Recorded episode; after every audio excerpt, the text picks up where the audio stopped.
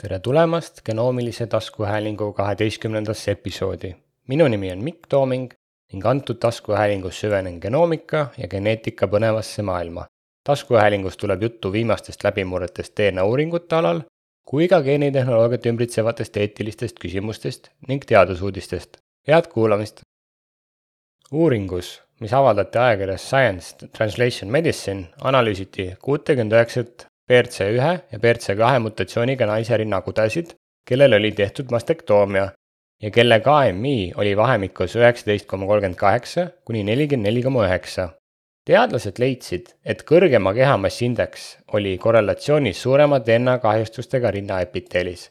samuti leidsid nad BRCA mutatsioonidega rasvunud naiste rindade rasvase mikrokeskkonna muutusi, sealhulgas suurenenud östrogeeni tootmist mis teadaolevalt mängib rolli rinnavähi arengus.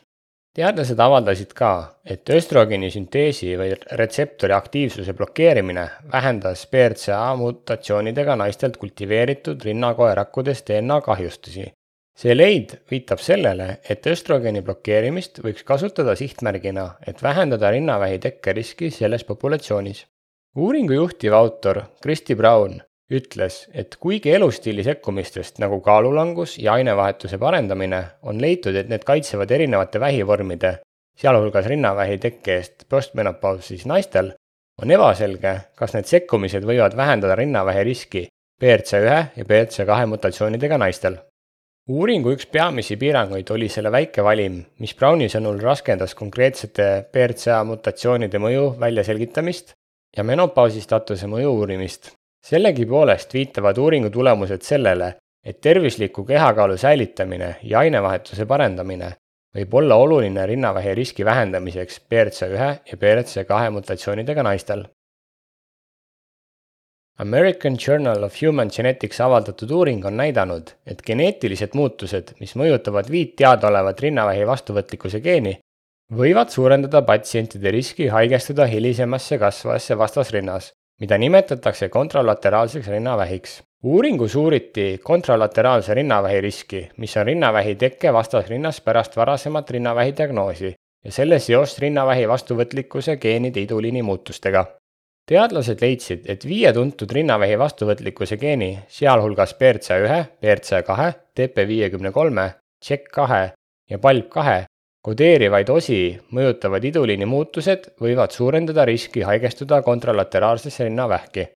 konkreetselt oli teise rinnavähi tekkerisk vastassuunas suurenenud nende geenide teatavate kodeerivate variantidega isikutel, ulatudes veidi üle kahe koma kolmekordsest suurenemisest BRCA2 variandi kandjate puhul ning kuni enam kui kaheksakordse suurenemiseni TP53 iduliini muutustega isikutel uuringus leiti ka tagasihoidlikumad seosed vähigeenide variantide ja rinnavähi spetsiifilise ellujäämise vahel, eriti TP53 iduliini variantide ja CHEK2 valgu kärpivate variantide puhul.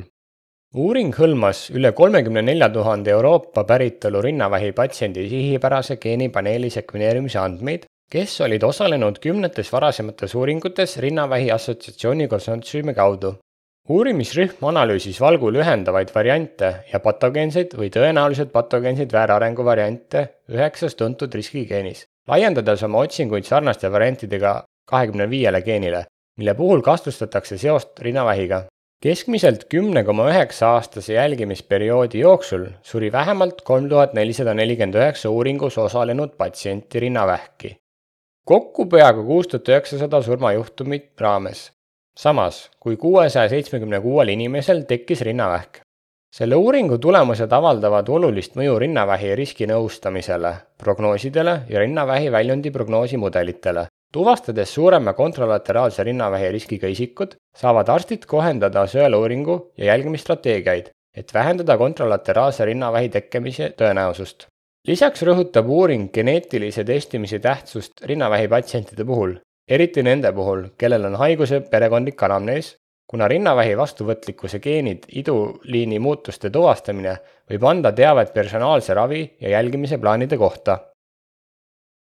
Alleelika, mis on polügeense riskiskoori tehnoloogia ettevõte, on teinud koostööd SB Biomediga, et viia läbi uuringu rinnavähi polügeensete riskiskooride kohta ehk PRS-ide kohta, kasutades Taiwan'i biopankadest leitud teadaolevate rinnavähi juhtumite andmeid uuringu eesmärk on määrata kindlaks parim tehnoloogia, mida saaks kasutada täpse, laiendatava ja kulutasuva testi väljatöötamiseks. mida saaks kasutada edasistes rakendustes, näiteks PRS analüüsis Taiwan'i elanikkonna jaoks. rinnavähk on Taiwan'i naiste kõige levinum vähktõve põhjus. seega on geneetikal oluline roll mõistmisel selle haiguse riskis kriitilise tähtsusega, kõrge riskiga naiste kindlaks tegemisel täpsete geneetiliste andmete loomine väikeste kuludega on võtmetähtsusega, et võimaldada tervishoiusüsteemidel kasutada ära genoomilisi meditsiini tohutut potentsiaali. seetõttu teevad Alleelika ja SB Biomed koostööd, et leida kõige sobivaim tehnoloogia, mis aitaks kaasa parema meditsiini arendamisele erinevates elanikkonnarühmades. SB Biomed kasutab Alleelika Predict PRS rinnavähi moodulit, et analüüsida kaheksasaja viiekümne kuue Taiwan'i rinnavähi proovi mis on genotüpiseeritud SB Biomeedi ja seotud laborite poolt, kasutades kolme erinevat tehnoloogiat. kas Thermo Fisher Axion Genome-wide TPM kaks punkt null tehnoloogiat, kogu genoomi sekveneerimist kolmekümnekordse katvusega või kogu genoomi sekveneerimist kahekordse katvusega. iga meetodi töötlemata sekveneerimise andmeid analüüsitakse Allelica Predict mooduliga, mis teostab kogu genoomi hõlmavat imputeerimist, geneetilise päritolu hindamist, arvutamist ja Leelika rinnavähi PRS-i aruandlust, võrreldes geneetilise päritolu järgi sobitatud võrdlusjaotusega. uuringus arvutatud rinnavähi PRS on Alleelika patenteeritud rinnavähi polügeenne riskiskoor, mis on kliiniliselt valideeritud mitmete põlvkondade puhul. SB Biomed on teinud koostöös Taiwan'i laborite võrgustikuga, mis on keskendunud kliinilistele geneetiliste teenuste pakkumisele kohalikele tervishoiuteenuste osutajatele pakkudes vajalikke genoomikatehnoloogiaid ja analüüse. projekti raames ühendatakse PRS-i loomiseks kasutatavad prooviandmed Alleelika föderaalse õppe algatusega, mis võimaldab Alleelika partneritel ja koostööpartneritel aidata arendada paremaid ja kaasavamaid PRS-i mudeleid ilma andmete jagamise vajaduseta algatuse eesmärk on arendada PRS-i mudeleid, mis suudavad täpselt töötada erinevate põlvkondade ja rahvuste lõikes. artikkel avaldati ajakirjas Inside Precision Medicine. ISCT tsütoteraapia ajakirjas avaldatud artiklis käsitletakse probleeme, mida kujutavad endast filtreerimisosakeste kasutamine raku- ja geeniteraapia tootmisel ja manustamisel. tahked osakesed võivad ulatuda valguagregaatidest kuni polümeerikiududeni ning mõjutada negatiivselt patsiendi ohutust ja ravi tõhusust. üks peamisi probleeme tahkete osakeste käsitlemisel on nende erinevad tüübid ja suurused, eriti need, mille läbimõõt on kuni kakskümmend viis mikromeetrit mis võivad kapillaare ummistada ja mõjutada ravi tõhusust. artiklis tuuakse välja kaks kiireloomulist probleemi seoses osakestega raku- ja geeniteraapias, suletud ühekordselt kasutatavates süsteemides tootmisprotsesside käigus tekkivate osakeste tõhus eemaldamine ning ühiste seisukohtade leidmine ühekordselt kasutatavate süsteemide tootjatele, teraapia arendajate ja reguleerivate asutuste vahel seoses osakeste ohutustega raku- ja geeniteraapia toodetes artiklis pakutakse välja mitmeid lahendusi tahkete osakeste probleemidega tegelemiseks. näiteks protsessitsükli läbiviimine puhastatud veevõipuhvriga, et määrata kindlaks tahkete osakeste allikad ja ühekordselt kasutatavate süsteemide loputamine enne kasutamist. siiski on vaja välja töötada uued standardid raku- ja geeniteraapia jaoks, et täielikult lahendada tahkete osakeste põhjustatud probleeme. kokkuvõttes kujutavad tahked osakesed endast märkimisväärset probleemi raku- ja geeniteraapia tootmisel ja manustamisel ning uute standardite lahenduste väljatöötamine on vajalik, et tagada patsiendi ohutus ja ravi tõhusus. ETH Zürichi tervishoiuteaduste ja tehnoloogia osakonna teadlased on esmakordselt kaardistanud benso A-püreeni ehk BAP kokkupuute mõju kopsurakkudele kuni ühe nukleotiidi tasandini. BAP-d leidub sigarettide ja tööstussuitsus ning see kahjustab teadaolevalt DNA-d teadlased lisasid kasvavates kogustes PAP kultuuri keskkonda, milles inimkopsurakud kasvasid, et määrata DNA kahjustuste levikut kogu rakkude genoomi ulatuses. tulemused näitasid, et kuigi kokkupuute ja DNA kahjustuse vahel oli annustatav sõltuv suhe, jäi muster kogu genoomi ulatuses stabiilseks, hoolimata PAP metaboliidi kontsentratsiooni muutustest. DNA kahjustuste jaotus oli sarnane ka mutatsioonimustriga, mida leiti suitsetamisega seotud kopsuvähi puhul teadlased oletavad, et nende meetod võib aidata prognoosida inimese vähiga seotud geneetilisi mutatsioone.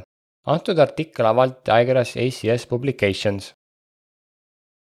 Nature ajakirjas avaldatud artiklis käsitletud uuringus leiti, et Covid-19 vaktsineerimisel oli viirusega nakatunud isikutel kaitsev mõju suurte südame-veresoonkonna kõrvaltoimete eest. Teadlased kasutasid andmeid peaaegu kahe miljoni inimese kohta, kellest oli üle kahesaja tuhande saanud mRNA või viirusvektori Covid-19 vaktsiini. uuringus leiti, et isegi osalisel vaktsineerimisel oli kaitsev mõju südame-veresoonkonna kõrvaltoimete eest, kusjuures täielik vaktsineerimine vähendas riski nelikümmend üks protsenti ja osaline vaktsineerimine kakskümmend neli protsenti rohkem kui saja viiekümne päeva jooksul pärast nakatumist.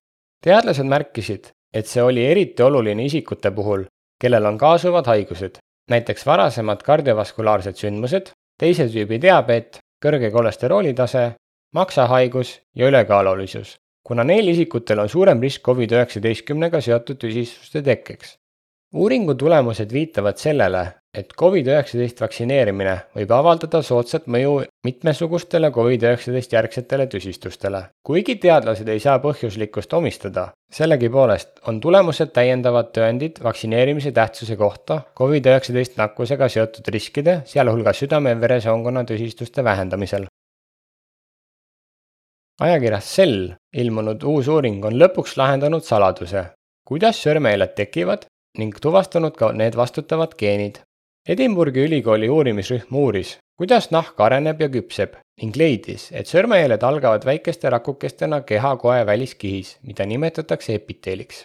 see kiht aktiveerib matemaatiku Alan Turingi järgi nimetatud Turingi mustri, mis loob aktiveerimise ja pärssimise mustri, mille tulemuseks on rida triipe ja laike.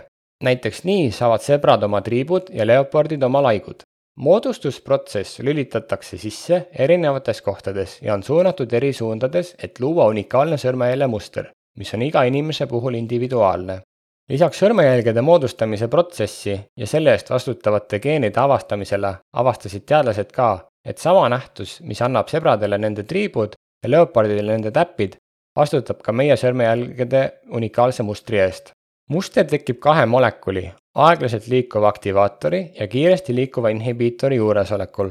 kui aktivaator käsib rakkudel midagi teha ja rohkem aktivaatorit toota, siis inhibiitor aeglustab aktivaatori tootmist ja põhjustab lõpuks selle, et rakk toodab ise seda vähem.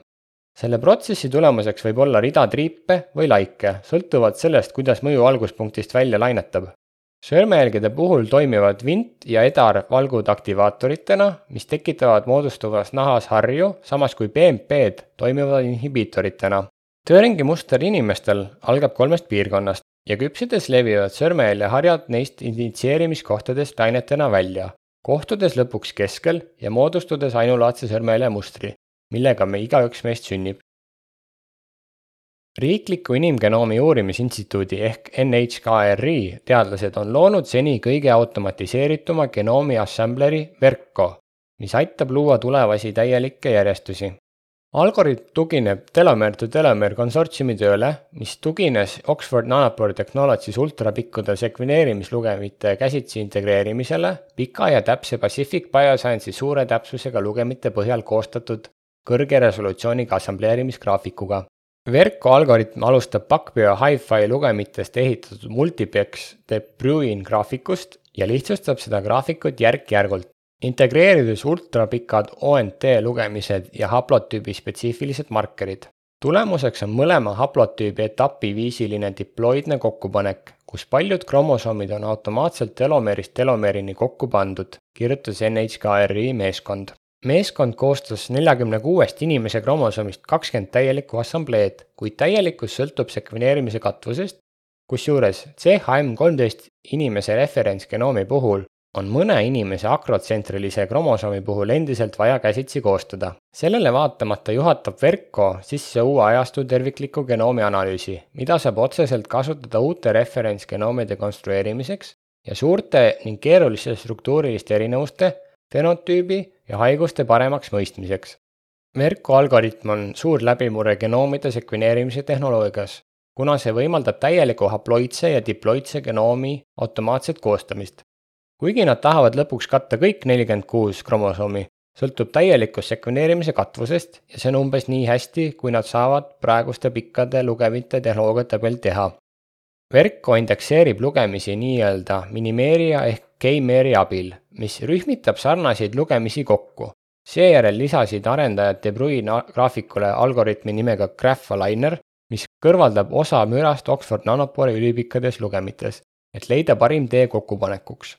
Verko algoritm võimaldab teadlastel uurida genoomi keerulisi piirkondi suure hulga proovide puhul, mis juhatab sisse uue ajastu tervikliku genoomi analüüsi.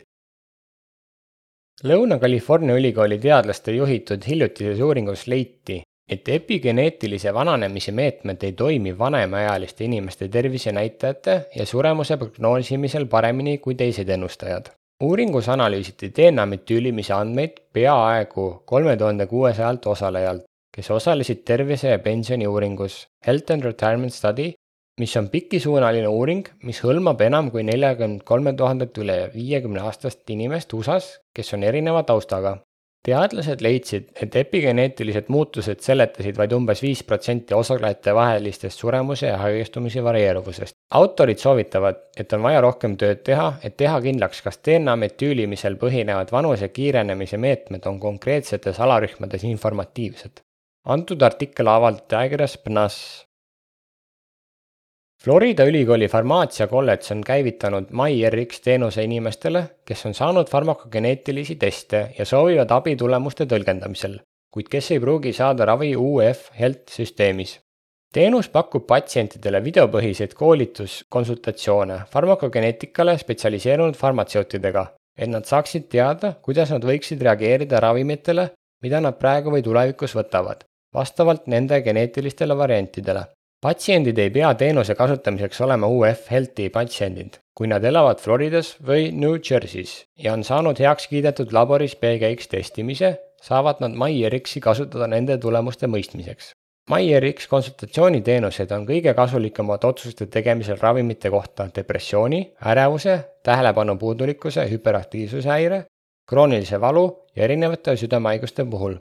UF Health on kehtestanud videokonsultatsiooni hinnaks sada üheksakümmend üheksa dollarit ja PGX testimise kui ka videopõhise koolituse eest viissada üheksakümmend üheksa dollarit. kui märkasid mõnd huvitavat uudist või sul on küsimusi, saad mulle kirjutada genoomiline at gmail.com. tänan, et olid minuga ja head sekveneerimist!